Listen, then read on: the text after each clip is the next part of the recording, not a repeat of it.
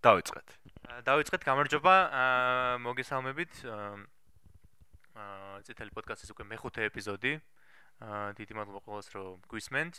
აა უცებ გეტყვით სიახლეების შესახებ, რომელიც ჩვენ პოდკასტს აქვს. აა და შემდეგ წარმოადგენს თომას და გადავთ უკვე საუბარზე. პირველი რაც აა გვინდა გითხრათ არის ის, რომ შევისმინეთ ჩვენი მსმენელების მოთხოვნები და თითქმის მოვიცვით მოსასასე პოდკასტის პლატფორმები. აა ძალიან მალე ამაზე შეგატყობინებთ ჯგუფშიც. აა როგორ შეიძლება მოგვისმინოთ ტელეფონიდან და ძალიან მალე დამთავრდება ის დრო რომ მსმენელებს უწევთ კომპიუტერით და ძალიან არაკომფორტულად მოსვენა ჩვენც ვიცით რომ არაკომფორტული არის ჩემთვისაც ძალიან არაკომფორტულია უბრალოდ რაღაც დრო ჭირდება ამ ეფრუველებს და მუშაობთ ამაზე რაღაც პლატფორმებზე უკვე ვართ და ერთიანად როგორც კი ყველა ეფრუველი გვექნება შეგატყობინებთ და იმედია გაცილებით უფრო გაგიადულდებათ და გაცილებით უფრო სასიამოვნო გახდება თქვენთვისაც წითელი კედლის მოსმენა მეორე სიახლე რაც გვაქვს არის ის რომ Instagram-ის page გავაკეთეთ და ამაზე ორი სიტყვით გვეტყვის დალე. გამარჯობა. ჩვენ გავაკეთეთ წითელი კედლის Instagram გვერდი.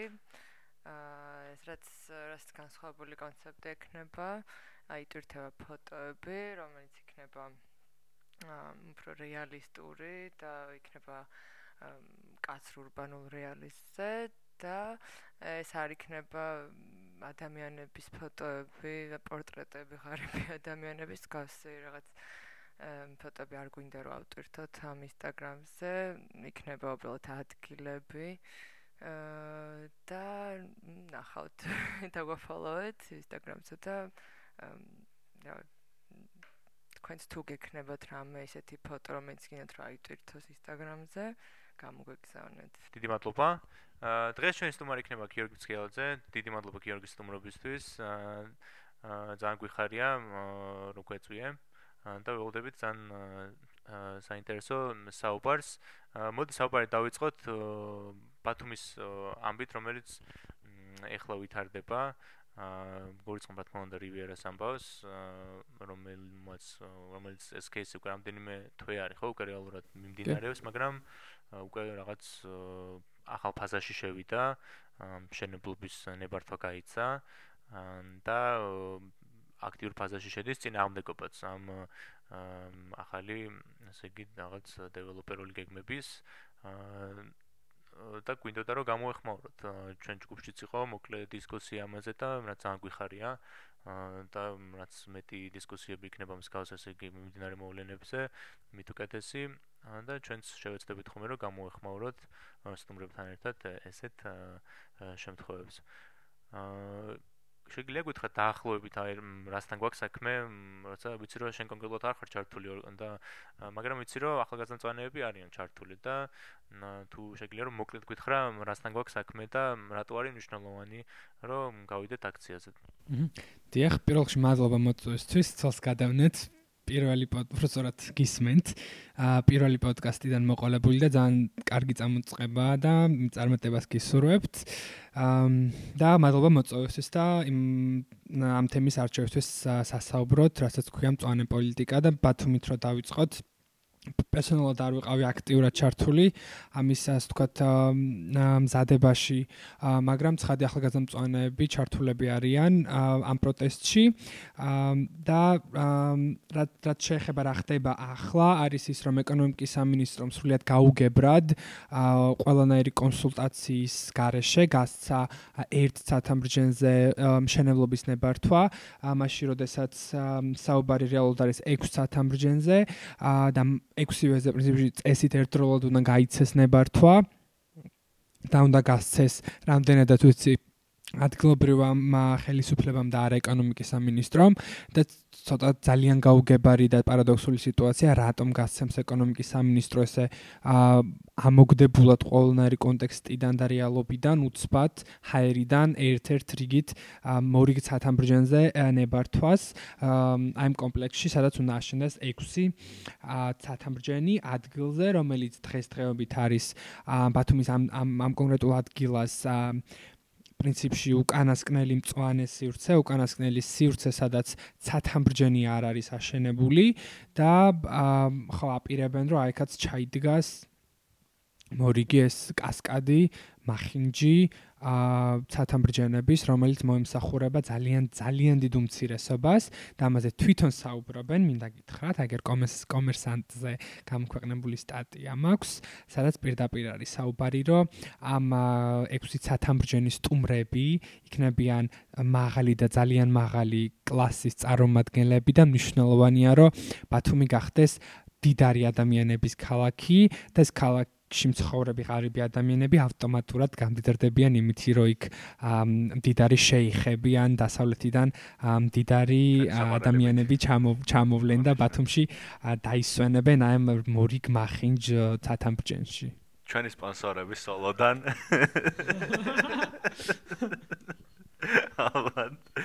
ყვანი ერთად ხელებს ხელს ჩავკიდებთ და ერთად შევძლებთ იმას, რომ დავისვენოთ ბათუმის ათამჯეში. ძალიან ისეთ რამ მოყევი გიო სამწუხარო ამბავი, რაც ბევრჯერ მოვისმინეთ, ალბათ ბოლოს 10 წლის განმავლობაში, რაც უკავშირდება ორ სასტი სისასტიკეს საქართველოს სახელმწიფოსი, რომელსაც გააზრებით და გაუაზრებლად ერთდროულად დაკეთებს ხოლმე. ერთი არის ეს რაღაც გავალურებული პრივატიზაცია და წარმოქმნა იმის, რომ ყველგან სადღაც რაღაცნაირად უნდა შეიქმნას ფულის საშოვნი აა სიტუაცია და მეორე არის აბსოლუტურად უგულებელყოფა ბუნების პირველ რიგში. და შემდგომში ადამიანების რომლებიც იქ მადგელზე ცხოვრობენ. სადაც ნუ ეს რაღაც დიდ განვითარების გეგმებს ახავენ ხოლმე ცირე მასები. ამ ამ ამ პროტესტებს ვისაუბრებთ ალბათ დიდწილად ჩვენ აი აქციაზეც თუ შეგვიძლია რომ თქვა, იმიტომ რომ აქტიურად მიდის წინააღმდეგობაც, ანუ თან წინააღმდეგობა მიდის ჯგუფის, რომელსაც ჩვენ რაღაც ენდორსმენტი გავუკეთეთ ძალიან ბევრჯერ და ხარს უჭერთ წითელი კედლიდან ახალგაზრდა მწვანეების, რომლებმაც ბევრი ბრძოლის ანას ბაღის გადასარჭენა და ბევრი ბრძოლის კიდე ბევრ სხვა საკითხზე, ну ახლა იფუძვიან ამაზეც და ჩემი აზრით თემში თემის თემი ძალიან ისეთი ერთსულოვანი უნდა იყოს აქ ახალგაზრდების ხარდაჭერაში. და უნდა ვაჩვენოთ რაღაცნაირად ყოველს შეგვიძლია კონსოლიდაცია და რაღაც კონკრეტულ თემებზე გაერთიანება. აქციაზეც მოდი ვისაუბროთ, თან უთხრათ ჩვენს მსმენელს, როდის იქნება აქცია და სად შეიძლება რომ შევეკრიბოთ მოდი. დიახ, ახალგაზრდები ჩართული არიან ყოველთვის. ეს მსგავს ბრძოლებში, სადაც რეალურად ჩვენ ხედავთ ბრძოლას და დაპირისპირებას უმრავლესობის კოლექტიურ ინტერესსა და ინდივიდების გამდიდრებას შორის. ამასთან დაკავშირებით თბილისშიც იქნება აქცია და ახალგაზრდამწვანეები ვართ ამის ორგანიზატორები.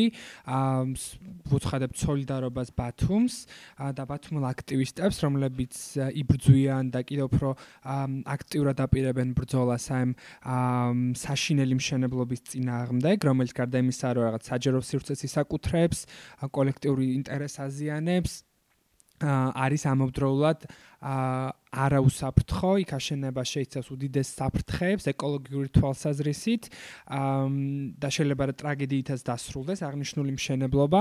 ამიტომ მნიშვნელოვანია წინააღმდეგობის გაწევა მაქსიმალურად. აქცია გამართება დღის 11 საათზე იუსტიციის სამინისტროსთან, სადაც ბოდიშით იუსტიციის სახლთან სადაც მდებარეობს ჩვენი ქვეყნის ბედუკუმართობის გამო ეკონომიკის სამინისტრო. ესე ძალიან სასაცილო რაღაცაა და მინდა ხაზი გავუსვა, რომ ეკონომიკის სამინისტრო გვაქვს ის შენობა გაყიდა ეკონომიკის სამინისტრო. მოახდინა საკუთარი შენობის პრივატიზაცია, გაყიდვა და ის შენობა დღეს არის ცარიელი და თვითონ არის შეკენლებული და შესახლებული იუსტიციის სახლში. ესე ტრაგიკულ და ტრაგიკომიკურ ქვეყანაში და სახელმწიფოში უფრო სწორად გვიწევს ცხოვრება. თუმცა ხო ცოტა რთულია სახელმწიფო უწოდო, მაგრამ რაღაც სახელმწიფოსგან მიმსგავსებულ ტერიტორიაზე გვიწევს ცხოვრება. და ეს თან არის ერთ-ერთი ბრძოლა, ხო, რაღაც თანადროული ბრძოლები აქვს ახალგაზრდა მწვანეებს, რომლებიც ერთმანეთთან ცოტა გავს, ხო? იგივე რაღაც საერთო წერტილები არის, ხო? იგივე ანას ბაღის შემთხვევაში, იგივე თიხმის დღის შემთხვევაში. აა რა საერთო წერტილებს ხედავ? მე ძალიან ხედავ კარგად ამ პრივატიზაციის ერთ საერთიანებთ არის ეს სივრცის პრივატიზებისკენ მიდრეკილება და ეს დამოკიდებულება, რომელშიც მხოლოდ კომერციული სივრცე ითვლება ათვისებ ფონდად. კი, აი მორიგის ასაცილო რაღაცამ სახელმწიფომ 1 ჰექტარი სხვა მიწა დაარეგისტრირა, რომელიც სავარაუდოდ რივიერას გადაეცემა. აა ანუ მიწაც აღარ არის საკმარისი გასაყიდად, სხვა სხვა რეგისტრირებთ უკვე ამ ქვეყანაში როგორც მიწას და შემდეგ ვყიდით მას. გლდანის ტბარი კიდე ესე გაყიდული როგორც მიწა, მაგრამ ტბარი და ესეთი კომიკური შემთხვევები გვაქვს. რაც შეეხება ბრძოლებს, კი ნამდვილად ზუსტად ყველა ამ ბრძოლას გარდა იმისა, რომ რეალურად урბანული ბრძოლები კატაზის თანსაყოლად. სუში, ეს ყურადღებას ისე. ხარზე ფაქტობრივად ხარზე ზის იმასავე რა ქვია შევარდენი თუ რა რაუზით ხომ მე მონადირებს დაახლოებით ეგეთი სცენა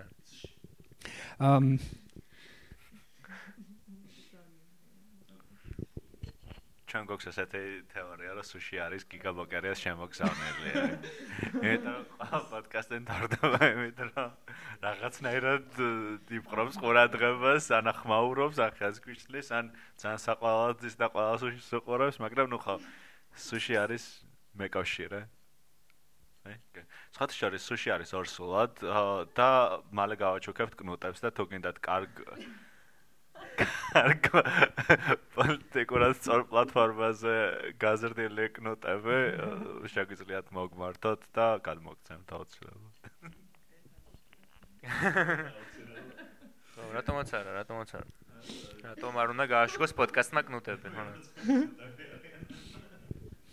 აი ხო და კიდე რა კითხვა არის რომ როგორ ანუ თქვენც დაგიგროვდათ ხო გამოცდილება უკვე ამ სხვადასხვა ბრძოლების და აი რამდენად აა გეხმარებათ ეს გამოცდილება? ამ კონკრეტულად ბათუმის შემთხვევაში კამპანიის ორგანიზებაში და ხო რა რა რა ისწავლეთ ისეთი რაც ახლა გამოგადგებათ იმაში რომ უკეთესი კამპანია დაგეგმოთ.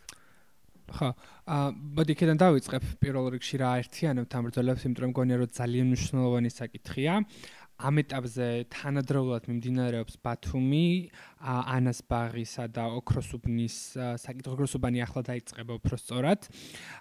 და პრინციპში აქამდეც იყო პეტიცია გამოქვეყნებული, რომ ტერიტორია გადაეც ტერიტორია არის სახელმწიფო საკუთრება, უბრალოდ მუნიციპალური საკუთრება, რომელიც ამ ეტაპზე არის ასე ვთქვათ მოასფალტებული და არაფერი არ ხდება იქ, თუმცა წლების წინ იქ იყო პარკი და სკვერი და ამ ადგილას უნდა იყოს ისე პარკი და სკვერი. რაც აერთიანებთ ამ პროტესტებს არის ის, რომ რეალურად არის გამოხატულება იმ სახელმწიფოში, სადაც ცხოვრობთ, რა სადაც აი პოლიტიკურ და ეკონომიკურ ელიტას აქვს საშუალება, რომ ჩვენი ეზო, მაგალითად ანას ბაღის შემთხვევაში, იქ სადაც დავდივარ, ძაღლებს ვასაერნებთ, შვილებს ვასაერნებთ და მეგობრებთან ერთად ვერთობით, უცბად ესე ჰაერიდან გაყიდოს სახელმწიფომ ჩვენ დაუკითხავთ და აღმოაჩინოთ დილით რომ გავიღვიძებთ და ჩავალთ იქ ასე ვთქვათ მეგობრების სანახავად მაგალითად აღმოაჩინეთ რომ ეს ტერიტორია შემოღობინილია და თურმე იქ უნდა აშენდეს корпуსი. ეგ არის მაგალითად ანაზვაღის შემთხვევა. იგივე დიღმის ტყეპარკის შემთხვევა ძალიან მსგავსია, როდესაც მიდიოდა რაღაც აღვირახსნელი კამპანია მის პრივატიზაციის და უამრავი მფლობელი იყავს და მთელი პოლიტიკური ელიტა და ჩვენ საყვარელი შოუ ბიზნესი იქ არის წარმოდგენილი. და მიწები აქვთ ნაყიდი და ვნებაც აქვთ იქ რომ რაღაცა ააშენონ. და რა ვიცი რამდენიმე შემიძლია დავასახელო მაგალითად კახა ოქრიაშვილი PSP-ის მფლობელი არის იქ მიწის პატრონი, რომელსაც უნდა იქ PSP საშენება, გრიშაონიანი, ესეც კომიკური შემთხვევა საქართველოს კომუნისტური პარტიის ლიდერი რო არის. კი, კი, იქ აქვს ناقიდი და კი, ვიდეო ესა ჩარტვაც იყო რაღაც მომენტში აპირებდა იქ რაღაც შენებლობის დაწყებას, ვიღაცებმა დაურგეს ხეები და ქალს ეჩხუბებოდა, რომ ჩემ კერძო საკუთრებაში რატო იჭრებიო. აა გრიშაუნიანი კომუნისტური პარტიის კი. ჩემ კერძო საკუთრებაში რატომ იჭრებიო მოიღოთ გრიშაუნიანი მას სტუმრების სიიდან რომელიც საგან გრიშაუნიანი ყადა სტუმრების სიაში. ლალი მოროშკინა არის სხვა შორის კიდევ იქ თაკო ჩარკვიანი ეს ანაგი ძალიან საინტერესო შემთხვევა, იმიტომ რომ ანაგი ეს კომპანია, რომელიც აპირებდა იქ რესტორნის მშენებლობას, არის ისეთი ელიტის წარმომადგენელი, ძალიან დიდი ხანია არსაუს ეს კომპანია და ყველა ხელისუფლებასთან აქტიურად არის დაკავშირებული. მათი გაკეთებულია ძალიან ბევრი იუსტიციის სახლი ნაცმოძრაობის რეჟიმის დროს, კი რაბათის ციხე მათი გაკეთებულია როგორც მახსოვს, ზუგდიდის იუსტიციის სახლი ნამდვილად მაგათი გაკეთებულია. და აქტიურად თანამშრომლობდა ნაციონალურ მოძრაობასთან მეტიც 2012 წელს არჩევნების დროს. აა მათ ესე ვთქვათ ლიდერშიპს ვინც არის ხელმძღვანელობა იმისი ანაგის ასეთ პარტია არსებობდა არ არის საქართველოს არ იყიდება თუ რაღაც რაღაც მსგავსი. აჭარ რეგიონალური პარტია იყო თუ რაღაც მსგავსი 2012 წელს რომელიც იყო ნაციონალური მოძრაობის სატელიტი პარტია და აღნიშნულ პარტიასთან სერიოზულად თანამშრომლობდა თანამშრომლობდა რა ფულსური ცხავდა საკმაოდ ბევრს. მაგრამ ეს არ უშუალოდ ხა ხელს რა თანამშრომლობ ნუ ზუსტად იგივე ადამიანები რამდენიმე ზუსტად იგივე უბრალოდ გვარები ნამდვილად არ მახსოვს ახლა. აა იგივე ადამიანები 2012 წელს ნაცმოძრაობის აა ნაცმოძრაობის სატელიტ პარტიას. ისე სუში სუში ეს ნაცმოძრაობის სატელიტ პარტიას ურიცხავენ ძალიან ბევრ თანხას. იგივე ადამიანები 2018 2018 წელს ურიცხავენ სალომე ზურაბიშვილს ასევე არანაკლებ რაოდენობის თანხებს. და მათაც ნაყიდი აქვთ ეს ტერიტორია, მანამდე ამ ტერიტორიას კიდე დიღმის ტყებაში ფლობდა ბეჟუაშვილი, რომელიც ნაცმოძრაობის დეპუტატი იყო, რომელმაც შემდეგ აყიდა და TBC ბანკიც ფლობდა და მოკლედ თელი ეს ჩვენი ბრჭყალებში საყვარელი ეკონომიკური და პოლიტიკური ელიტა წარმოდგენელი ამ დიღმის ტყეპარკში, რომელსაც ანადგურებდა უკვე ძალიან დიდი ხანია და 90-იან წლებში ტყეპარკის ტერიტორია იყო 75 ჰექტარი დღეს დარჩენილია 20 ჰექტარი. და მის მოჭრასაც აპირებენ რესტორნის მშენებლობის ხარჯზე. კი, მახსოვს თან ბავშვობაში. აა დიღმის მასზე შევისდებოდით, მე და ჩემი ძმა ძალიან ისეთი აა საყვარელი რაღაც იყო ფიზკულტურის გაკვეთილზე პატარები რაც ავიყავით წაგვიყვანდა ხოლმე დიღმის ტყეპარკში აა ჩაკბურს თამაშობდით ფრენბურს თამაშობდით და დარბოდით აა კი ანუ საინტერესო იყო კარგი ბავშვობა დროც აა როცა გავიგე ეს ამბავი რომ ეს ყველაფერი რატომღაც უნდათ რომ დაანგრეონ თან ანუ დიღმის მასივში ჩარევა ეს ვთქვათ ხომ ურბანული კუთხიდანაც და ბევრ ბევრ ურბანისტანს მისაუბრე ამაზე. დიღმის მასივში ჩარევა არის ძალიან სარისკო. დიღმის მასივი არის ძალიან ისე კონკრეტულად ურბან კონკრეტული ურბანული პლენინგით აშენებული უბანი რაღაცას ვთქვათ ერთბაშად აშენებული უბანი თავისი ბევრი ძალიან კარგით და ბევრი შესაძლოა რაღაც ბევრი ძალიან ცუდით მაგრამ თავისი თუნდაც იგივე გამზირებით იმ გამზირებზე ძალიან სწორად დაცული ტროტუარებით მოდით თავისი გამწვანებით და ასე შემდეგ. ეს ყველაფერი, ანუ ერთ-ერთი ყველაზე კარგი საცხოვრებელი ისეთ საცხოვრებელ პირობად რომ წარმოვიდგინოთ ურბანულ საცხოვრებელს, ის შეიძლება თქვა, რომ არის ის ეს უბანი, ხომ? აი ამ უბანში ჩარევა, ხო, არის ძალიან ისეთ სარისკო არქიტექტურულ ურბანულ გადაწყვეტილებას მოითხოვს და ამას ჩარევას როგორც წესი ბავშვობიდან რაც მახსოვს ერევა პრივატიზაცია, ერევა ყოველთვის დიდი ბიზნესი, ერევა მაგალითად ადრე იყო ცენტრპოინტმა შეიძინა წიგნის ფაბრიკა და აშენა კორპუსი, რომელიც არ დამთავრდა დღესაც შენდება 20 წელია შენდება, 20 წელი არ დამთავრებულა. აა შემდგომ გადაწყვეტეს რომ დიღმის ტყეპარკში რაღაცები ჩაადგა. შემდგომ იქ ქონდა რაღაც შუაში იყო სკვერი ალეიას ეძახდნენ. ვაკეთებდი ღმალები ხოლმე იქაც გადაწყვეტეს რაღაც დეველოპმენტი შემოეტანოთ არა და ყველაფერი მოხდა იმის ხარჯზე რაც შეიძლება მეტი სოციალური სივრცე დაკარგა საზოგადოებამ. სოციალური სივრცეები დაკარგვეს ბავშვებმა დედებმა რომლებიც ბავშვებს ასეირნებენ მამებმა რომლებიც ბავშვებს ასეირნებენ და სოციალური სივრცეები მიითვისა ბიზნესმა რომელმაც გადაწყვეტა რომ იქ აეშენებინა ხან რესტორანი ხან ახალი корпуსი ხან ეს ხან ეს რა. ძალიან სიმპტომატური პრობლემაა ეს. კი და ეს არის რასაც ვუყურებთ ბოლო 30 30 წელია რეალურად ვხედავთ რაღაც ბრძოლას ქართულ ხალხს და ამ რაღაც ეკონომიკურ და პოლიტიკურ ელიტას შორის, რომელიც არ იცვლება ერთი და რომ თუ იცვლება, ისევ გივერჩება, ხო? და ვხედავთ პოლიტიკურ კლას თლიანად მიხედავთ იმისა, რომ რაღაც არანორმალური რაოდენობის პოლიტიკური პარტიები არსებობს ამ ქვეყანაში 300-ზე მეტი პარტია არის.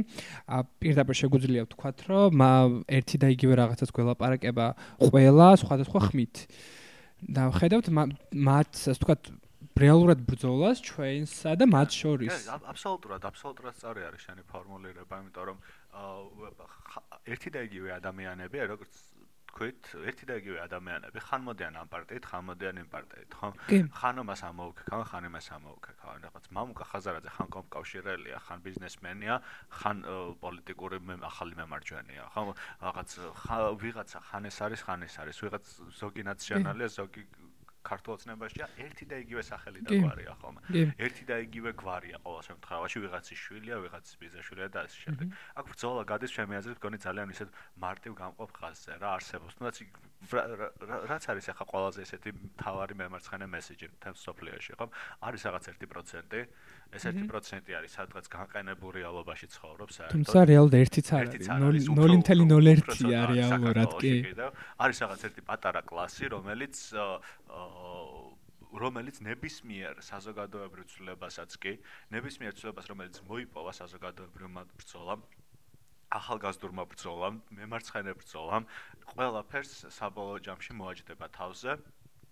თვითონ დაჯდება პარლამენტში, თვითონ დაჯდება რაღაც მინისტრის პოზიციაზე, თვითონ დაჯდება ამ რაღაც ბიზნეს ფორუმებზე და გადაწყვეტენ, რომ აი როგორ გამოვწოვოთ ახლა მეტი ფული და მეტი რესურსი იმ ადამიანებს, რომლებსაც აქვთ რა. და ანუ ეს წრე არის ცლება, ამის გაგზელება არის ანასპაყიც, ოქროს უბანიც, ბათუმის და ასე შემდეგ და ვინმე თუ რაღაც არ დაამთავრებს ამას ეს თვითონ არ დაამთავრდება. კი, ცხადია.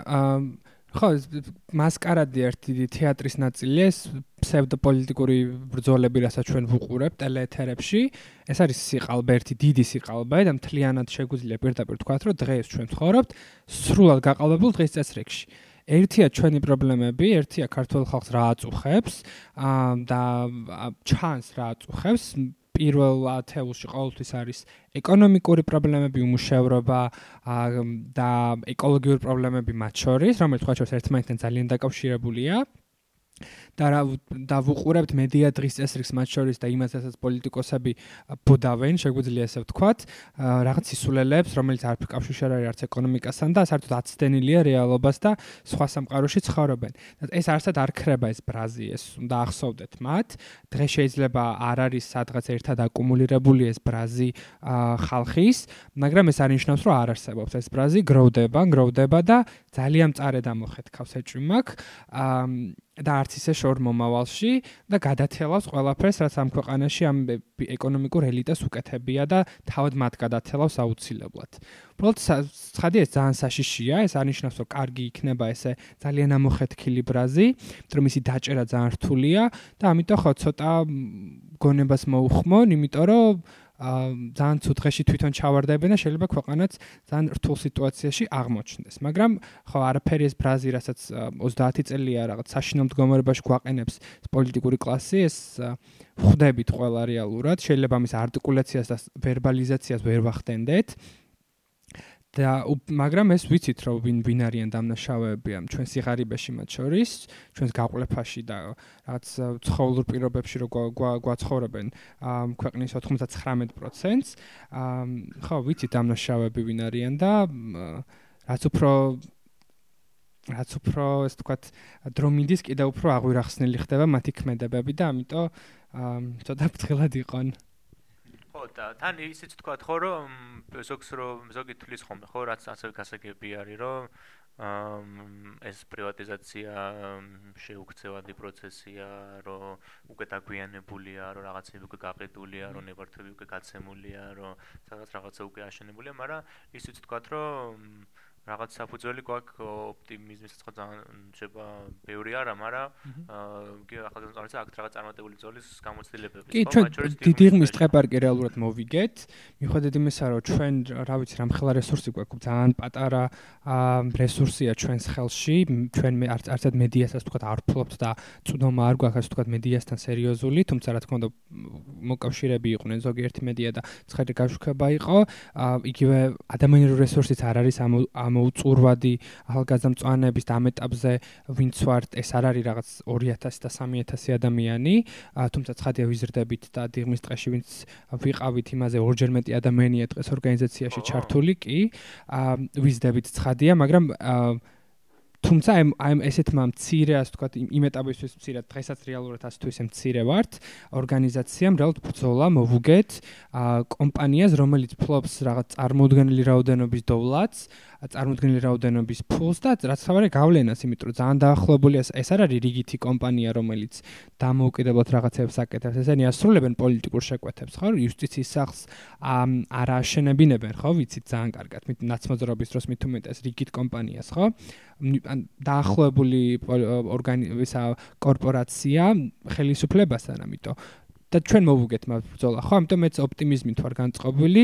აა და ხედავთ იგივე ანას ბახში რასაც ხედავ, როდესაც ადგილობრივი მოსახლეობა რაღაც გმირული შემართებით იცავს ამ რაღაც აა ტერიტორიას, რომელიც მათი საკუთრებაა წესით, ხო? ამიტომ ცხადი ოპტიმიზმის საფუძველს იძლევა, ის რომ ჩვენ შეგვიძლია ორგანიზება და ის რომ ადგილობრივ მოსახლეობას რაღაცის იმედი აქვს. იმიტომ რომ დიღმის ტყეში ახლა ცხადია მარტო ახალგაზრდამწანებს ის ბრძოლა არ მოუგიათ, ხო? ჩვენ ვიყავით აქტიურად ჩართულები და სხვა კამპანია ჩვენ ვაწარმოეთ, მაგრამ იქ რო ადგილობრივი მოსახლეობა არ არ ყოფილიყო ძალიან აქტიურად ჩართული, ახლა ჩვენ ცხადია ვერაფერს ვერ მოვიგებდით, ხო? ამიტომ ეს ეს გადაკვეთა რაღაც აქტივისტური ჯგუფების და პოლიტიკური ჯგუფების, როგორც ჩვენ ვართ და ადგილობრივი მოსახლეობის არის რაღაც გასაღები, რომელიცაც ჩვენ შეგვიძლია დავამარცხოთ ისეთი გიგანტური კორპორაციები, როგორც ანაგია მაგალითად.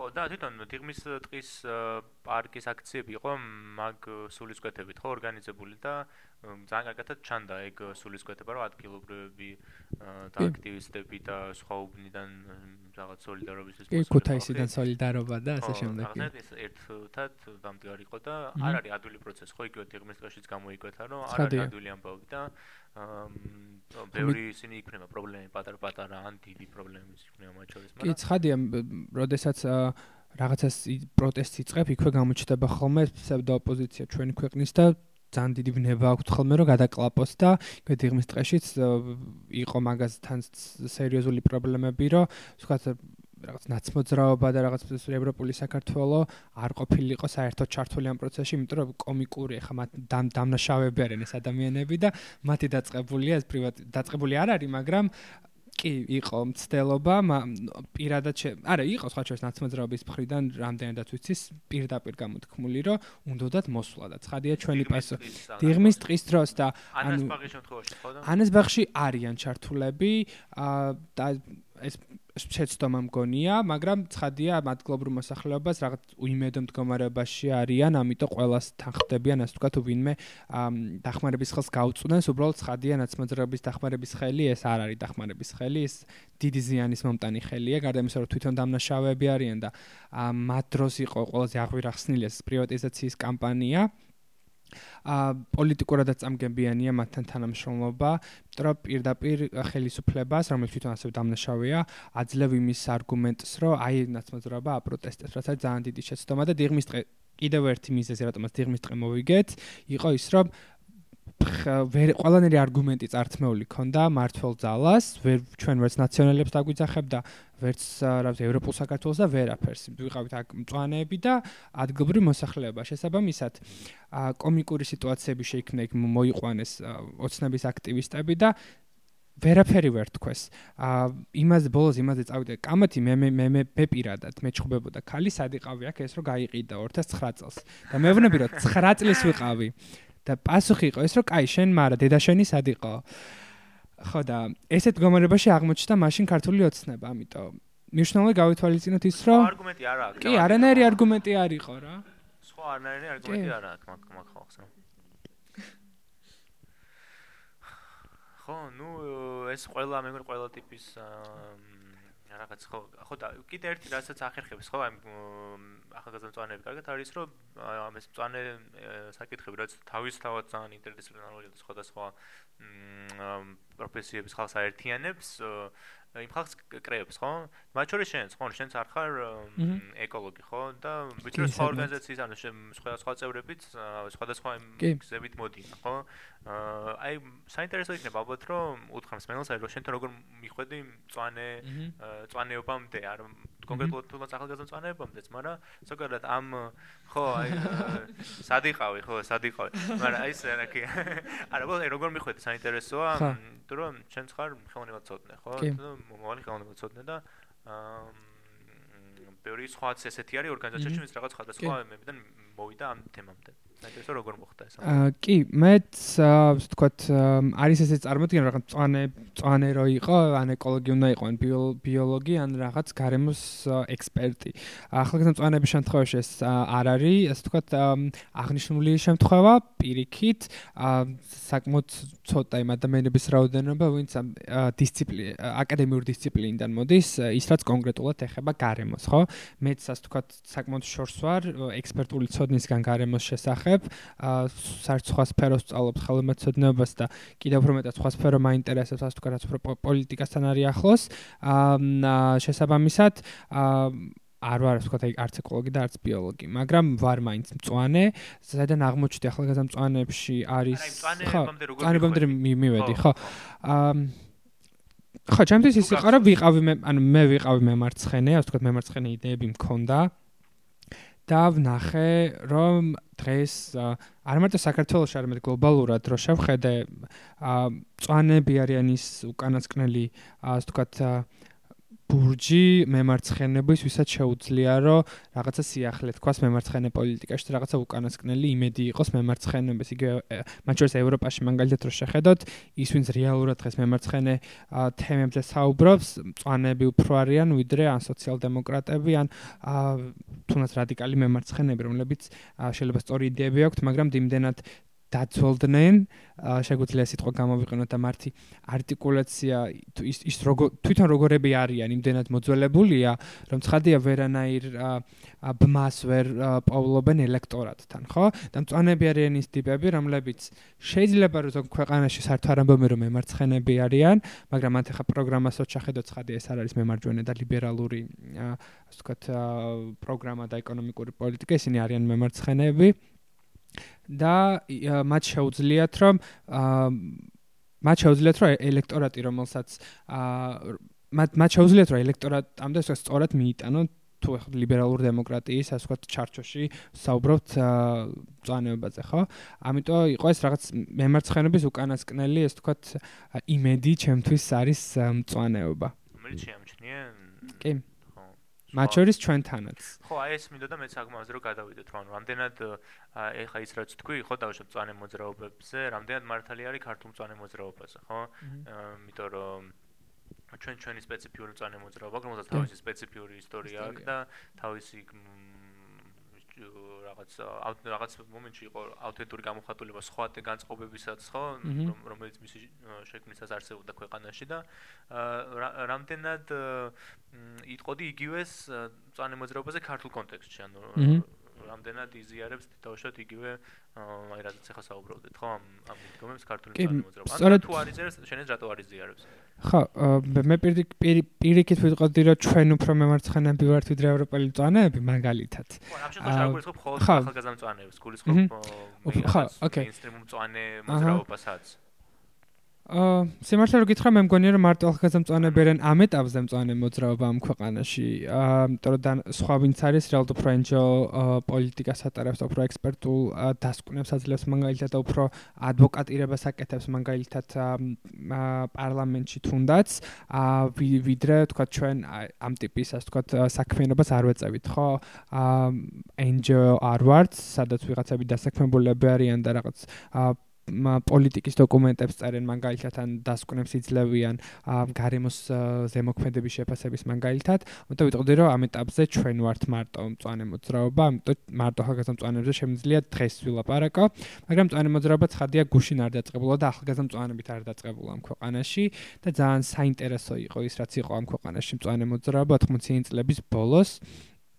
თან ეს იყო მოხდა ერთდროულად საქართველოსში და მაგალითად ევროპაში ამ დროს წანთა მოძრაობის ვთქვათ წარმოშობა და დაწყება ძალიან სერიოზული მოძრაობის.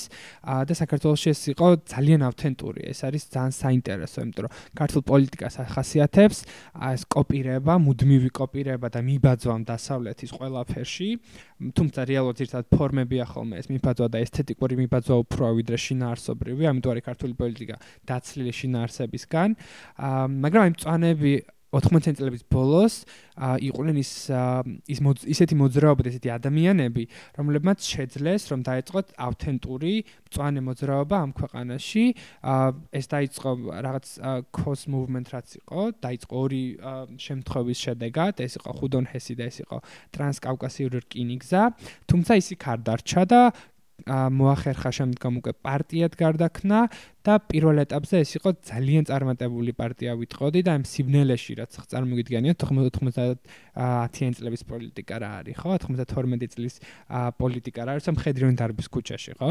და ავტომატები ისვრიან და არაფერი არ არსებობს ხო? დღეს ხო ძალიან ბევრი ხალხი იმაზე რომ ჭირს მეც მათ შორის. აა რომ ჭირს მწვანეობისთვის რაღაც სააზროვნო და საჯარო სივრცის გამონახვა, ხო? და წარმოიდგინე რანაირი სივრცე იყო სააზროვნო და საჯარო სივრცეები 99 წლის დამოუკიდებლობის მოძრაობის დროს, ხო, რამდენად რთული იქნებოდა იქ რაღაც დღის წესრიგში მწვანეობის შეტანა, ხო, მაგრამ რაღაცნაირად მოხერხდა, ხო, ეს ამბავი და წარმატებული პარტიაც იყო და ამაზე თან ურჩიოთ ძალიან კარგი მწვანე პოლიტიკის ისტორია, რომელიც გააკეთა ჰაინრიხ ბიელს ფონმა რამდენიმე წლის წინ ესეც რაღაც ხოურჩოთ ხომ მსმენელებს და ერთმანეთ ციგნებს. ძალიან ძალიან საინტერესო ციგნია ნამდვილად. აა კარგად არის მიმოხილული და აქვს ბოლოში აქვს ჩემთვის ძალიან საყვარელია. ეს ოქმები მათი შეხვედრების საინტერესოა რაღაც მომენტებში ბოლოს უკვე მას შემდეგ რაც ანტა პარტიამ ცოტა დაკარგა მწვანეობა და თავისი ნიშა აა აქვს ცოტა კომიკური შეხვედრებით სტარდებოდა ხოლმე და თუ გაიცნობით აა ხა მისაწვდომი არის ონლაინ დევს კი. PDF საერთოდ რომელიც ბიოდის ფონდის საიტზე შეგიძლიათ ძალიან ადვილად მოწებნოთ და უამრავ საინტერესო ამბავს გაიგებთ ამ ესე იგი წანთ პარტიის საწყისებზე პარლამენტა პარლამენტარიზმის საწყისებზეც და მის შემდგომ განვითარებაზეც. ხო ამოიკითხოთ ძალიან ბევრ რელევანტურ თემასაც რომელიც დღემდე დღემდე კი ხუდნახესი დღემდე პრობლემაა. დღემდე იბრძვის ეს იქ სვანი აქტივისტები და დღემდე ხანახან მოტრიალდება ხოლმე ის რომ კიდე უნდა დაიწყონ ხუდონ ჰესის მშენებლობა, შესაძლოა ეს იყო თემა 30 წლის წინ, ხო? ესეც საინტერესოა. ხო, არჩევნებზე ვიტყოდი ისე ვის რომ აი ამ დროს, როდესაც ეს ხდება საქართველოში და რაც ხედრენ დარბის ქუჩაში და სრული უწესრიგება 92 წელს სტარდება არჩევნები, სადაც წაენთა პარტია არის რიგით მეხუთე პარტია და ყავს 11 დეპუტატი. და მაგალითად ეროვნულ დემოკრატიულ პარტიას 12 დეპუტატი ყავს, ბლოკ ერთობას და სხვა რაღაცებს 14, 18 და 29. საკმაოდ სერიოზული ძალა იყო მწვანეთა პარტია და ეს არისო ეკოლოგისტური პარტია მარტო. სხვა საკითხებსაც მოიცავდა და მე მე დარწმუნებული ვარ რომ იმ სიბნელე მართლა სიბნელე იყო პოლიტიკური სიბნელე რაც მაშინ ქვეყანაში ხდებოდა რაც პატარა ნათელი წერტილი იყო რომელიც რომელსაც შეეძლო რაღაცეები დადებითად შეეცვალა ამ ქვეყანაში თუმცა სამწუხაროდ რაღაცეები სხვაგვარად წარიმართა.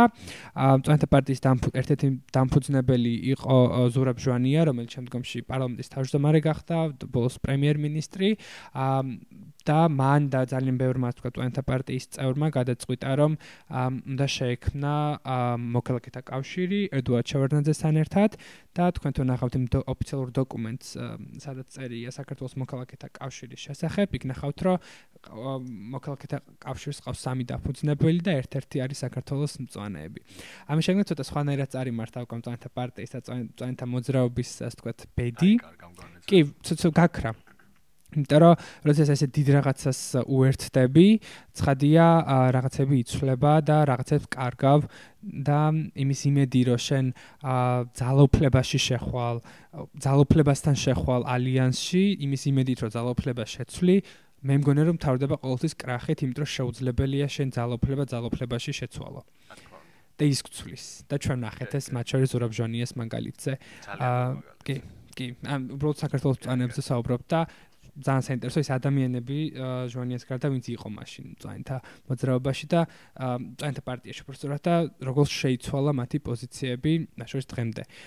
ამიტომ თუმცა ძალიან საინტერესო ისტორია მაინც და საინტერესო ეს ავთენტურობა რაც ახასიათებდა მაშინ, იმიტომ რომ აი ვახსენე ისე, რა ძალიან კოპირება ხდება დასავლური ყველაფრის, ყველა პოლიტიკოსი რაღაცებს აკოპირებს დასავლეთიდან, ხო? და ამას ასე ვთქვათ ახალგაზრდამწვანებშიც მუდმივად ვსაუბრობ, რომ აა ჩვენი მისია არ არის და ჩვენ არ უნდა გავაკეთოთ არასოდეს არაფრის კოპირება. ეს რომ რაღაც ევროპელი მწვანები ამას აკეთებენ, ეს არნიშნავს, რომ ჩვენს ამ გზას უნდა გავყვეთ, ხო? ჩვენ ჩვენ არ ვართ მაგალითად ისეთი რაღაც არც ევროკავშირის ქვეყანა და არც აცფლად ევროპა არ ვართ და მე მგონია, რომ არ ვართ მთლად ევროპა და ამაში ცუდი არაფერი არ არის, რომ ევროპა არ ვართ.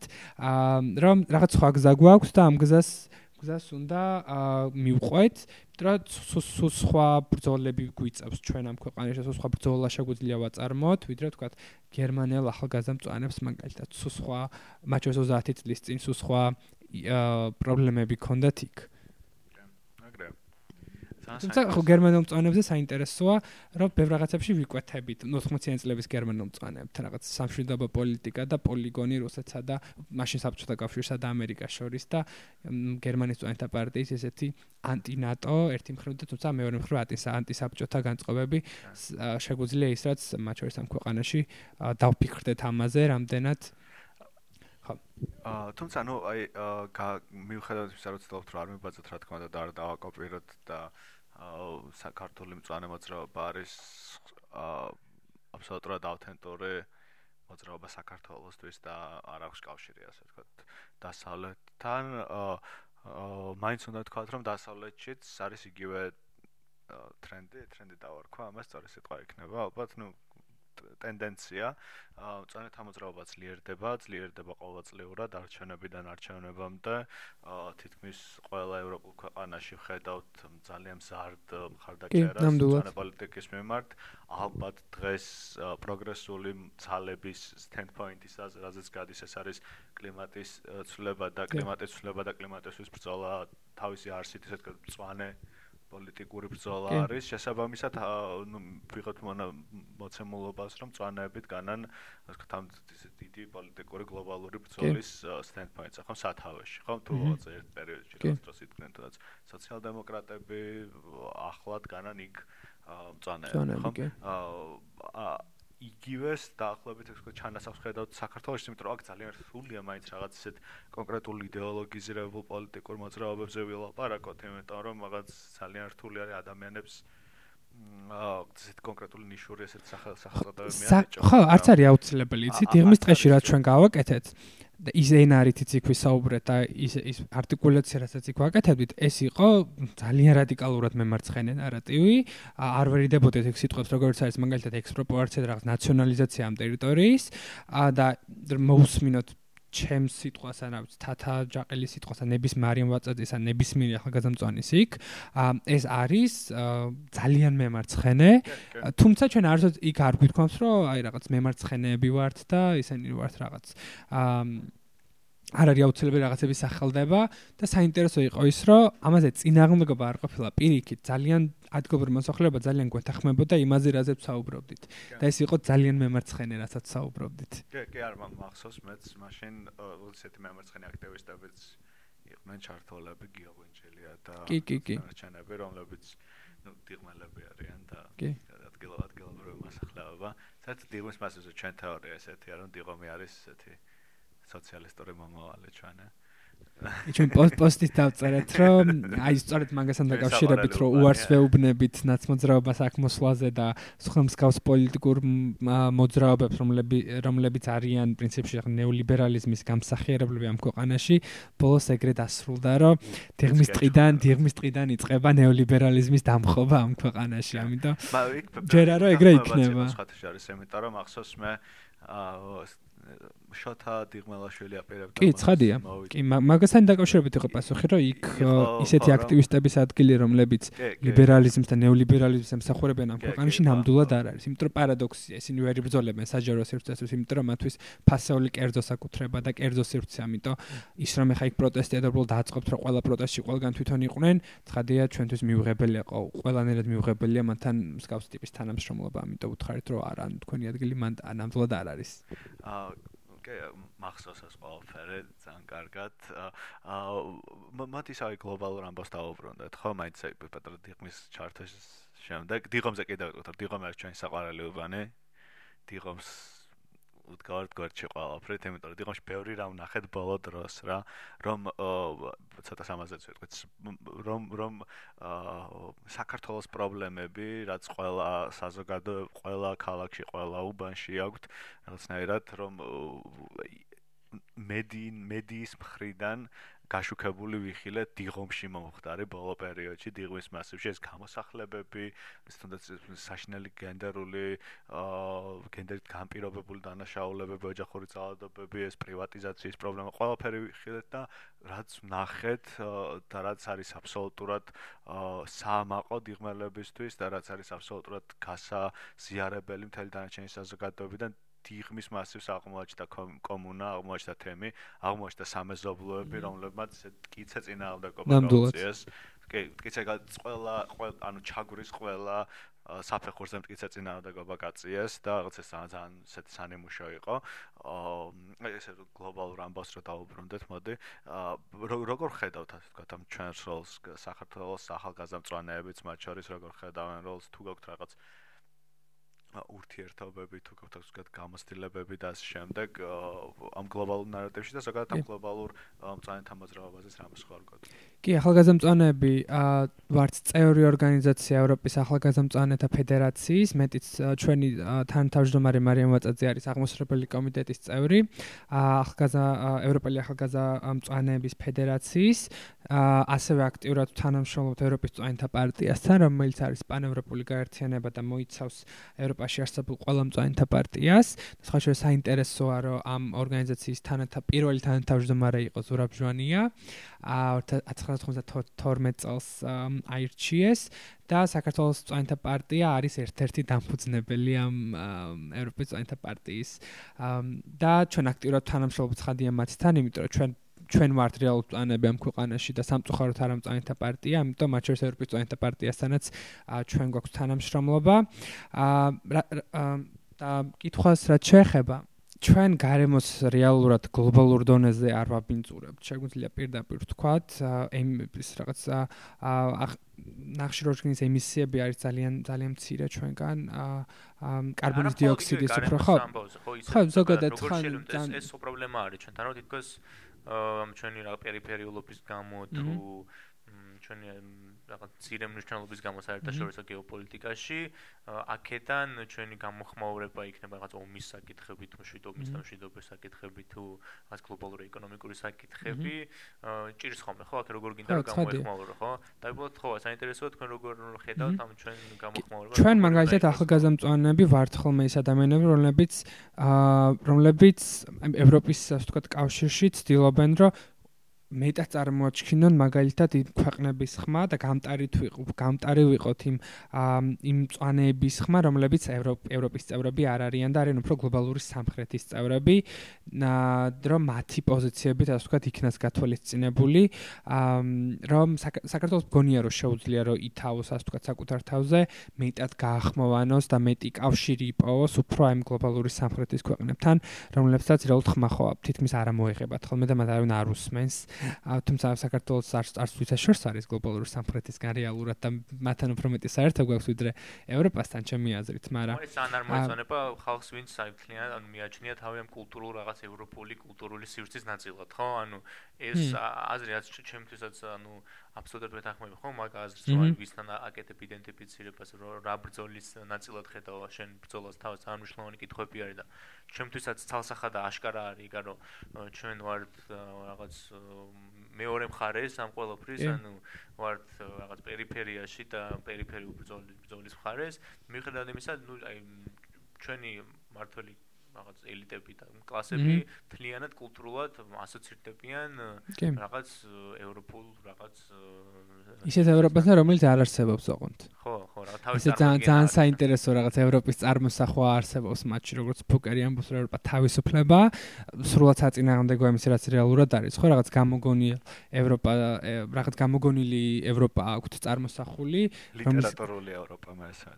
ხო, რაღაც ლიტერატურული ევროპა. აა რომლისგანაც მიისწრაფ ის თუმცა გავგებარ ესად მის ადმინისტრაფენ როცა არ არსებობს ესეთი რაღაცა და ესეც ნიშანდობლივია რომ რაღაც ისევ ერთი აკოპირებენ სრულად აკოპირებენ თან და სრულად მოურგებელია ხოლმე ეს ადგილობრივ კონტექსტ რასაც აკოპირებენ და მეორე ისეთ რაღაცებს აკოპირებენ რაც მათ აწყობთ. მაგალითად არასოდეს არ გადმოაკოპირებენ მინიმალურ ხელფასს რომლის რომლის გარეშე ევროპა წარმოუდგენელია ხო? მაგრამ ხედავთ რომ 20 ლარია მინიმალური ხელფასი 20 ლარი წელიწადში და ეს არ შეიძლება რატო არის ეგ რა ანუ რატო რატო არის რომ ყავს ელიტები რომლებიც თავის თავს უკეთებენ იდენტიფიცირებას ამ რაღაც გლობალურ ელიტებთან და ევროპელებთან ხო და? ჩემთვის ეგ არის აშკარად იმის იმისთვის იყენებენ ამას და თავის პოზიცია თავის ელიტურობა გაამართლონ საქართველოში. რამასთან არის გადაბმული ის აზრი, რომ ამ ელიტებს ჩვენთან შემოაქვთ რაღაც განმანათლებლობა ცივილიზაცია. ცივილიზაცია და სხვა მხრივ ქართველები არიან ბნელები და კულტურები და ეს აზრი, რომ თვითონ უკავშირდებიან კულტურულად თავის და ასოცირებენ ევროპასთან, საბოლოო ჯამში ემსახურება იმას, რომ გაამართლონ თავის პრივილეგიებს საშინაო არენაზე. ამის გარდა მან არის კიდე ძალიან მნიშვნელოვანი რამე, რა ეს პოსტკოლონიური საზოგადოების მოცემულობა საერთოდ ყოველთვის რასაც მიიღებს, იმიტომ რომ როდესაც როდესაც გიპყრობენ, ესეთ მარტივი რამე ხდება, როდესაც გიპყრობენ დამპყრობელი ერთ-ერთ ჯგუფს აწინაურებს ხოლმე დამპყრობელ ქვეყანაში. კლასიკური კოლონიური განვითარება, როცა ადმინისტრაცია არის საჭირო რაღაც ხალხს ტერიტორიის, ხომ? ამ ჯგუფს როდესაც დააწინაურებენ, ეს ჯგუფი მე ირწმუნებს საკუთარ ძალას დანარჩენ დანარჩენ მოსახლეობაზე. საქართველოს დაპყრობაც თავის დროზე, ეს ბოლო დაპყრობა, ბოლო დიდი დაპყრობა, ჩვენი კოლონიზაცია რუსეთის მხრიდან არის არის თავიდან ბოლომდე ამასთან დავწერე კიდეც ძალიან ბევრი არ მეჩხუბნე რა ძალიან გამიკვირდა. მაგრამ რეალურად საქართველოს დაპყრობა რუსეთის მხრიდან არის დასავლური იმპერიალიზმის განტარი, ხომ? ანუ ეს არის ჩოლებრივი ორიენტალისტური კვლავწარმოება, რუსეთი ხედავს საკუთარ თავს როგორც ევროპას, იმიტომ რომ რუსეთს თვითონ ვიღაცა აწובה და ჩაგრავს როგორც ის არის ევროპა და ეს არ არის ევროპა.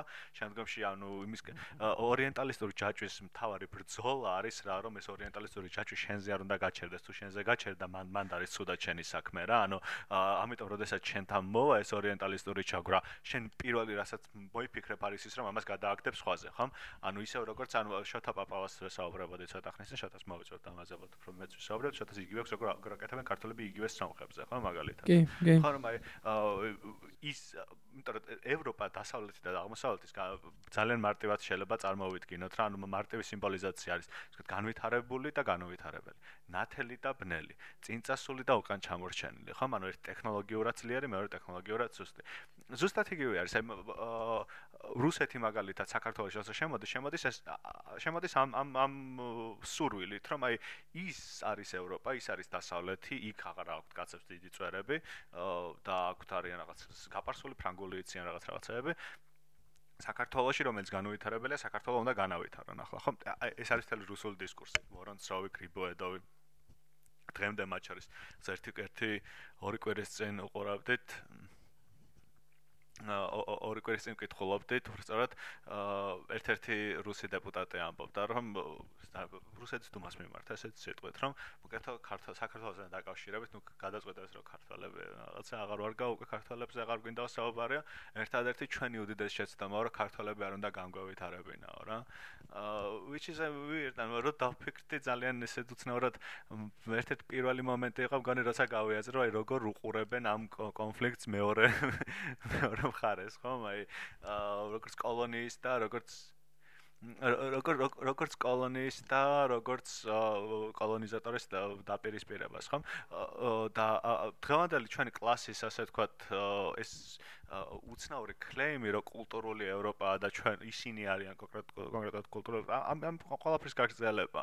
იმიტომ რომ თუ დააკვირდებით, ზუსტად ჩოთას ვესაუბრებოდი ამაზე ცოტა ხნის წინ, ქართული მოდერნიზმი, რომელზეც ანუ არის დაფუძნებული ქართული ნაციონალიზმი, ხო, იმიტომ რომ ქართული ნაციონალიზმი, ისე როგორც ქართული ევროპიზაცია, ძალიან ლიტერატურული არის რა, ანუ ის საფუძველი ეს ეს ელიტარული, ეს ეს ეს ეს იყო ელი ძალიან ელიტარული მოძრაობა. საფუძველი იღებს ძალიან ლიტერატურულობაში. ელიტარულის გადას ფიქციური, ანუ ხადი. კაცის გონებაში მოგონილ. კი, თავიდან ბოლომდე. და მაშინაც კი აი თუნდაც ილია ჭავჭავაძე ხო? მაგ ილია ჭავჭავაძის აა შათა ძალიან კარგი კლემი ქონდა ამაზე უცებად უნდა ვისაუბროთ. მირჩია წამაკითხა ქვათაღაღადი თავიდან მეც წავეკითხე რა თქმა უნდა მის რჩევით. აა მოკლედ ილია ჭავჭავაძის თავალი პრობლემა სომხებთან ამ შემთხვევაში არის რომ სომხები ქართველებს არ წვანენ რუსებთან. ანუ აა ეხა ანუ პრო ანუ issue ანუ issue პრობლემა არის ეგი ანუ რომ ანუ ისიც კი საქართველოს მომავალს ანუ ევროპაში ის ქართველები ქართველი მოდერნისტები რომლებიც საქართველოს მომავალს ევროპაში ხედავენ საქართველოს მომავალს ევროპაში ხედავენ რუსეთის გავლით რა ანუ აი როგორც დიდი რუსული კულტურული ევროპაში უფრო წარმოუდგენია თავიდრე აი საქართველოს და პარიზი არ თბილისი პარიზი არ თბილისი მოსკოვი პარიზი ესეთი არის აზროვნება ხო? რაღაც ეტაპზე ეს მოსკოვი ხრება ამ აზროვნებიდან და გრჩება მარტო თბილისი პარიზი თბილისი ბერლინი ხო მაგრამ არ გრჩება ლოგიკა, რომელიც იყო დაწესებული რა, არ გრჩება ანუ იგივე არის ლოგიკა, რომ რაღაც ჯგუფი, ახალი მოდერნისტები, პოსტმოდერნისტები, ახალი ქართველი დემოკრატები გადაწყვეტენ, რომ საქართველოს სჭირდება განვითარება, მათ აქვს განვითარების ფორმულა, რაც მათ ავტომატურად აყენებს ძალიან პრივილეგირებულ პოზიციაში, იმიტომ რომ ესე იგი გამოდის, რომ შექმნილი არის ქვეყანაში დიდი ვირუსი და მხოლოდ და მხოლოდ ანტიდოტი აქვს მათ კონკრეტულად ხელში და ესე ეტაპობრივად ეს ცოტა-ცოტა ჩააწვეთებენ ადამიანებს. ეს ცოტა-ცოტა ჩააწვეთება შეინარჩუნებს პერიოდულად მათ გავლენასაც საზოგადოებაზე და მათ სტატუს პირველ რიგში, ხო? ამიტომ რაღაც ეს ქართული ორიენტალისტური წარმოდგენა რომ აი ყოველთვის რაღაცას უნდა მოვერიდოთ, ყოველთვის რაღაც უნდა მოუფრთხილდეთ რომ აი ჩვენ და რო ჩვენი ადგილი ევროპაში, ჩვენ როგორ შეიძლება რომ ახლა ეს ამას ხო არ ვიკადრებთ, იმიტომ რომ ჩვენ ხო ევროპაში უნდა ვიყოთ, ან ეხლა ჩვენ მაშინ ხომ არ ვართ ვენესუელა, ხომ არ ვართ, ანუ სირცხვილი რომ არისო ვენესუელა. ვენესუელა ხარ როცა ანუ არ ხარ უკეთეს გამარებობაში სოციალურად ხო ყველა ხედავთ რომ სიღარიბე ბოშების შიმშილი არის რაც გაუქონარ დონეზე ქვეყანაში ხო ეს არაგულწრფელი დამოკიდებულება და არაგულწრფელი შეხედულება საკუთარი თავის მიმართ ჩემს აი ნებს არა ყველა პოლიტიკას აბსოლუტურად. ნებს მემარცხენე პოლიტიკასაც წვანე პოლიტიკასაც არ ვჯეროთ ამას ოდეს მე თვითონ ვიტყოდი მაგრამ იდენტობის პოლიტიკასაც ყველა პოლიტიკას აბსოლუტურად. ნებს დამოკიდებულება რომ არ შეგვიძლია რეალისტურად ჩვენი თავის დავინახოთ რაც გლობალურ კონტექსტში ეს მართლა ძალიან ცოდია. დააბრუნეთ რუსეთში მოსკოვში რეისები და მოსკოვის გაი.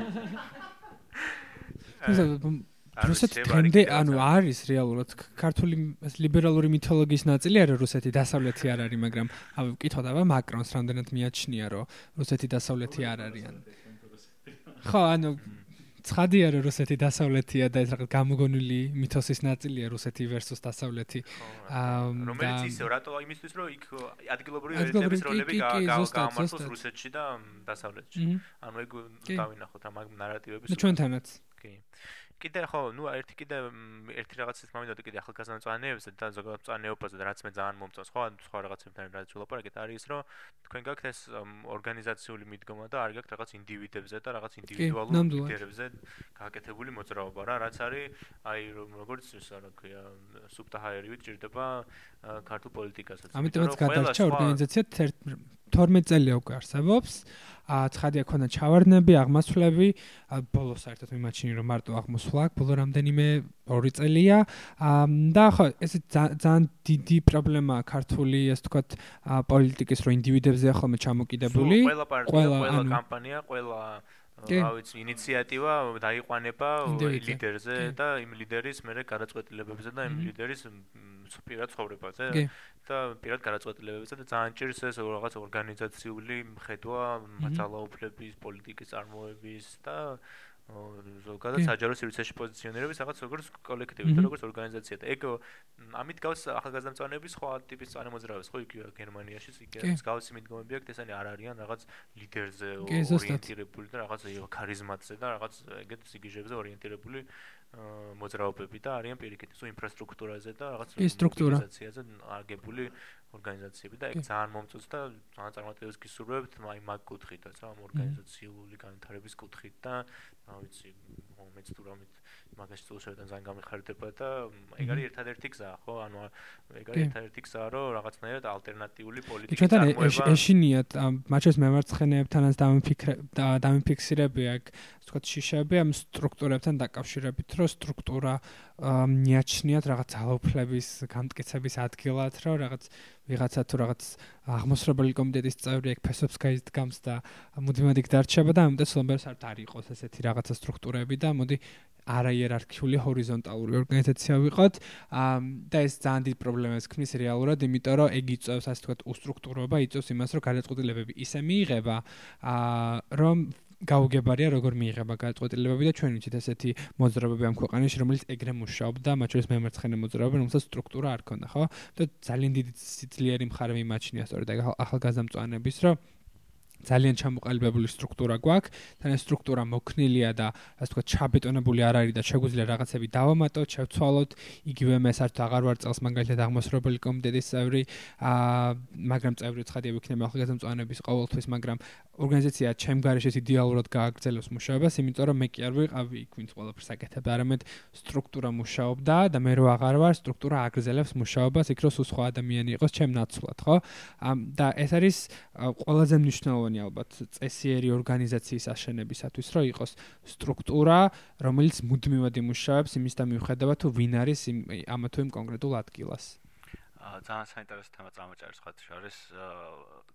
შედარება ქართული ახალგაზრდა მემარცხენე ორგანიზაციების და ახალგაზრდა მწვანეების საჭირო არის საჭირო ამაზე ვისაუბროთ. იმიტომ რომ მე თვითონ ვიყავი ძალიან ისეთ ბევრი ორგანიზაციის წევრი რამდენიმე თანადამფუძნებელიც რომელიც მემარცხენე პოლიტიკას და მემარცხენე იდეას ისახავდა აა განცხადებულად ატარებდა ასე ვთქვათ მაგრამ ნუ ჩვენ მაშინ ცოტა სხვა დროც იყო და ცოტა პატარებიც ვიყავით და ამდენი ციგნები არ ყო მაშინ სხომრობით მაგრამ მაშინ მართლა სხვა დრო იყო 2009 2000 2010 წელი ცოტა სხვაგვარი საზოგადოებრივი სრულიად სხვა კონტექსტი იყო სრულიად სხვა კონტექსტი იყო და მაშინ ახალგაზრდული მოძრაობა სხვა იყო მე მარცხენა მოძრაობები სხვაგვარი იყო მაგრამ ნუ ამ მაშინაც და ამის შემდეგაც ყო ძალიან დიდი პრობლემა რაც ქონდა ეს ორგანიზაციებს და რაც საბოლოო ჯამში არ აღწევდა ხოლმე წარმატებას და საბოლოო ჯამში ყველა ერთ ადგილზე იჭხირებოდა იყო რომ იყო კარგი დასაწყისი ყველა უ უცე ყველა გავბრაზდით გამოვარდით გარეთ რაღაცა დავიწყეთ. მე რა ხდებოდა არავის არ ქონდა ხოლმე არც არავის ნაბიჯი და შემდეგ ხდებოდა ყოველთვის უარესი და უარესი. ამან მიიყვანა უარესი რა ანუ ხდებოდა დაბნეულობა ქაოსი არაორგანიზებულობა მე ვიღაცა ვიღაც წინააღმდეგი იყო, მე ვიღაცა ვიღაცაზე გაბრაზებული იყო, მე ვიღაცა ამაზე იტყო და იმას ვიღაც იმაზე და საბოლოო ჯამში მივედით იქამდე რომ დაახლოებით 3-4 ჯერ იყო ძლიერი მუხტი ბოლო 10 წელში, მე მარცხენა მუხტი 3-4 ჯერვე უარესად და უარესად ჩაკრა ეს მუხტი. აა და ეს ძალიან დიდი პრობლემაა. ამის გამო მე მარცხენა მოძრაობამ დაკარგა ლეგიტიმაციაც, ადეკვატურობაც და მივედით იქამდე რომ სრულად რაღაც ისეთი კარიკატურულ სახემდე მივიდა საბოლოოდ. ეს ძალიან ბოდიში ძალიან ცუდია. ამის აპირისპიროდ გამოჩნდა ჯგუფი, რომელსაც აქვს ეს ზუსტად ეს სტრუქტურა, ხო? იმას ვყურებთ. საერთოდ შეს ეს ეს გამოარჩევთ გლობალურად და ზოგადად წანე მოძრაობებს. კი, ნანამდვილად ზუსტად. დანარჩენი მემარცხენე ორგანიზაციებისგან კი ყოველთვის ეს გამოარჩევთ ხოლმე, რომ წანებს ყოველთვის აქვს სტრუქტურა, წანებ they believe in strong structure, strong leadership as well. ანუ აქვთ რაღაც ისეთი კონკრეტული ორგანიზაციული სახე, განსხვავებით ცოტა პრეს კვოტ მოძრაობებისგან, რომლებიც რომლებიც არიან უფრო რაღაც იმპულსურად ერთ დღეს ძალიან ძლიერები ხოლმე, მაგრამ შემდგომში ძალიან იკარგება ხოლმე რა. ანუ მე შემართლა რომ გითხრა, ჩემი წარმოდგენითაც ეს პლანების როლი ახლა ძალიან კარგად გამოჩნდა, იმიტომ რომ თუ ახალგაზრდებმა უკვე დროა რომ ქართული ახალგაზრდა მემარცხენე მოძრაობებიც გახდეს უფრო მეტად სტრუქტურული რა. დრო არის, იმიტომ რომ საკმარისად ვიხმაურეთ ჩვენი მოდი ისე ვთქვა, ჩვენი ისიც გავისწორეთ რაღაცები, ვიღაცებს ვეჩხუბეთ. ყველაფერი ამოვიღეთ. სტრუქტურის ქონა არნიშნავს ვარიჩხუბობ ხო? არა, არა, კი, კი, ეს არ მას მომწეს იმპულსურობა. ხო, კი, ეგ ეგ ეგ ძალიან დიდი პრობლემაა. იმპულსურობამ კი, ჩემი აზრით უნდა იყოს ასეთი იმპულსური მოძრაობები და ძალიან დიდი იმედი მაქვს რომ კი, კი, აი უფრო ორგანიზებული ჯგუფი არის რა, ანუ ეგ ძალიან მნიშვნელოვანია გზა. როიცოდე რომ დღეს რომ ამას აკეთებ, არ აკეთებ პროიუს მარტო დღეს გააკეთო, იცი რომ ამას ის ნაბიჯი მოყვება და ამას ეს ნაბიჯი მოყვება და ამას რო გააკეთებ, შემდეგ ეს უნდა გააკეთო. ანუ ესეც აკლდა მგონიან ქართულ მემარცხენე მოძრაობას, რომ არ იყო გამოკვეთილი, არა ის რომ კაი გვინა მემარცხენეთა პარტია საქართველოს კი ძალიან მინდა რომ ხოლმე მემარცხენეთა პარტია არსებობდეს ამ ქვეყანაში, რომ ხმა მივცე ელემენტარულად, ხო, მაგრამ ეს ხო ჰაირიდან ხო არ ხდება ეს, ხო? აი ეს მგონია რომ აკლდა, ზოგადი იდეა რაღაც მემარცხენე პოლი პოლიტიკის გატარებას ამ ქვეყანაში სხვა არის, მაგრამ ის რომ ცოტა მიწაზე დავეშვათ და კონკრეტული გზა გამოკვეთოთ და კალაპოჩი პოლიტიკები შექმნათ და კალაპოჩი მოვაქციოთ ჩვენი სურვილი რომ რაღაცა ალტერნატიული პოლიტიკური მოძრაობა გაჩნდეს ამ ქვეყანაში. არის სხვა და მგონია რომ ახალგაზრდამწვანეები ცოტა საფუძველს უყრით ამ რაღაცას რომ გაჩნდეს რაღაცა ალტერნატიული პოლიტიკური დისკურსი მათ შორის. იცი და აი განსხვავებას რა შეხედავ და რაც ეს განსხვავება ძალიან მომწონს, აი უკვე დაიწყო საუბარი ჯგუფებთან, რომლებსაც აქამდე არ ვასაუბრებთ. არის საუბრობ არც აუდიტორია, არც ლაბორატორია, არც შემდეგ თეთრი ხმაური, არის საუბრობ და neighborhood უბნის ჯგუფებს, უბნის ბებოებს, უბნის ბიძებს, ანუ მათთან საერთო ენას მაინც ეს ყველაფერი იხარშებოდა და რჩებოდა ისეთ მხოლოდ ახალგაზრდა მოძრაობებად რა. ნაწილობრივ კარგიც არის და ნაწილობრივ ცოდიც არის მოძრაობის, მაგრამ ფაქტია რომ ახლა უკვე მემარცხენე აა მემარცხენე მოძრაობა გავიდა იმ მდგომარეობაში, რომ აი მემარცხენე პოლიტიკით ესაუბრება ადგილობრივ ადამიანებს, უბნის ცხოვრებებს, რომლებსაც შეიძლება არ აქვთ და არც მოეთხოვება და არც უნდა იყოს დიდად იდეოლოგიურად დატვირთული ამ ყველაფერზე უბრალოდ კონდეთ გულწრფელი პოზიცია, გულწრფელად სწორი პოზიცია, იმიტომ რომ ეს შრომელ ადამიანს მეტი სოციალური ემპათია აქვს ბოლოს და ბოლოს თავი ყველაფერს თავი დავანებოთ და მისი სოციალური ემპათია არის მისი იდეოლოგიური პოზიცია ზუსტად, ხომ? აა მივედით იქამდე რომ აი უკვე ეს ეს შევძელით, ხომ? შეიძლება დღეს ეს არის რაღაც პატარა მასშტაბების, მაგრამ აა ის თუმცა ჩემზე ძალიან მზარდი ძალიან სწრაფად მზარდი თან მე რომ მოვედი ორგანიზაციაში ტრამვაის კამპანია იყო პირველი რაც გავაკეთეთ და ვაკეთებდით 3 ადამიანი 4 ადამიანი. აა დღეს ეხა მაგალითად რამდენიმე რაღაცა ხდება პარალელურად და ყოველში 1000 ადამიანია დაახლოებით ჩართული და სხვადასხვა ადამიანი ხო? და მგონია რომ ძალიან დიდი პერსპექტივა აქვს ამ ორგანიზაციას როგორც ახალგაზრდული ერთი მხრივ ესე ესე განვითარდეს თუმცა ცხადია პარალელურად უნდა იყოს მუშაობა დაწყებული რომ ასე ვთქვათ უпроსი თაობა მაგალითად შემოვიერთოთ და ასე ვთქვათ მოვახდენოთ მათ ინტეგრაცია ჩვენთან. და ხო მეცაც ვიტყოდი რა ანუ ღია ორგანიზაცია ჩვენი ღია მოძრაობა ეს სიტყვა უფრო მომწონს ვიდრე რაღაც ორგანიზაცია მე ცოტა NGO-სთან ასოცირდება. თუმცა NGO-ები კარგ საქმეს აკეთებენ ზოგიერთი ნამდვილად. თუმცა სხვა სტრუქტურა უბრალოდ რა. კი კი სხვა რაღაცებს ვაკეთებ ჩვენ და ამიტომ ხო ანუ ღია და ნებისმიერ ადამიანს რა ხცხადია რა ძალიან ლიბერალებს და გირჩელებს არ ველოდები ჩვენთან დარწან ფაშისტებს, მაგრამ ვინც ვისაც არც არ აქვს იდეოლოგია, ან ვის უკვე მემარცხენე მithumedes, სულ ღიაკარებით, ასე ვთქვათ, ვიღებ ჩვენს ორგანიზაციაში, საკუთარ მგონი საკუთარ თავსაც იპოვიან და რაღაც კოლექტიურ საქმეს მოემსახურებ, იმიტომ რომ აი ჩემი საიდან გავხდეს არის ახალგაზრდა რა, იმიტომ რომ ვიყავ მემარცხენე და მიმაჩნია რომ მემარცხენეობა ინდივიდუალურ დონეზე არ არის მემარცხენეობა. მემარცხენე ინდივიდი რო ხარ, ანუ მე მგონი რომ მემარცხენე ვერ ხარ. ბოლომდე მემარცხენე, იმიტომ რომ რაღაც კოლექტიურად თუ არ აკეთე ეს რაღაცა საქმე. აა ეს აღა ეს ცოტა ლიბერალურ პარადიგმაში ჩავარდნილი მემარცხენეობა, ინდივიდუალურ დონეზე მემარცხენეობის კეთება. ამიტომ ამიტომ გავხდი ამ კოლექტივის ნაწილი და აა ვთქვათ მოუწოდებ სხვებსაც რომ აა შემოგვიერთდნენ. კი, ძალიან კაი, მე კაი ნოტაა, რომ ნუ დავამთავროთ ეს ეპიზოდიც ვერტები მეც სრულად სამსულის კვეთებას. ცხადია, რაღაც პრობლემები აქვს ყველანაირ ყოველთვის ახლა ორგანიზებასაც და სტრუქტურებსაც და იქაც შეიძლება პრობლემები წარმოიშვას, მაგრამ ეს პრობლემები არაფერი არ არის იმასთან შედარებით, რა პრობლემებიც აქვს სხვა ტიპის მოძრაობებს, რაღაც პიროვნებებზე ჩამოკიდებულებას და ასე შემდეგ და ასე შემდეგ და წარმატებას გისურვებთ.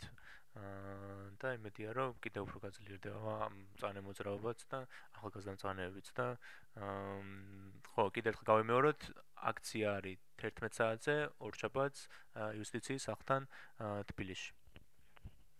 მეც დაგამშვიდობებით ძალიან წარმატებას გისურვებთ ასე უსურვებ ჩვენს მენელს რომ ინსპირაცია იპოვონ და ჩვენს ჯგუფის წევრებს რომ ინსპირაცია იპოვონ ასე ვთქვათ ორგანიზებული სტრუქტურისგან ის ახალგაზრდა აქტივიზმისგან გიორგის თვითონ არ თქოს მაგრამ მაგათ რომ ალბათ თუ დაგჭირდებათ მათგან რჩევები და დახმარება არ დაგზარდებიან და აუცილებლად დაგეხმარებიან, იმიტომ რომ მთელი არსიც ყოველ ჩვენი საქმეს ის არის, რომ ძალიან ესე გულითად და ბეჯითად გაუზიაროთ ერთმანეთს მიღებული ცოდნა და გამოცდილება. წარმატებას გისურვებთ და წარმატებას ვსურვებ ყველა მემარცხენე ჯგუფს, რომელიც ქვემოდან ცდილობს და ქვემოდან იბრძვის. Okay.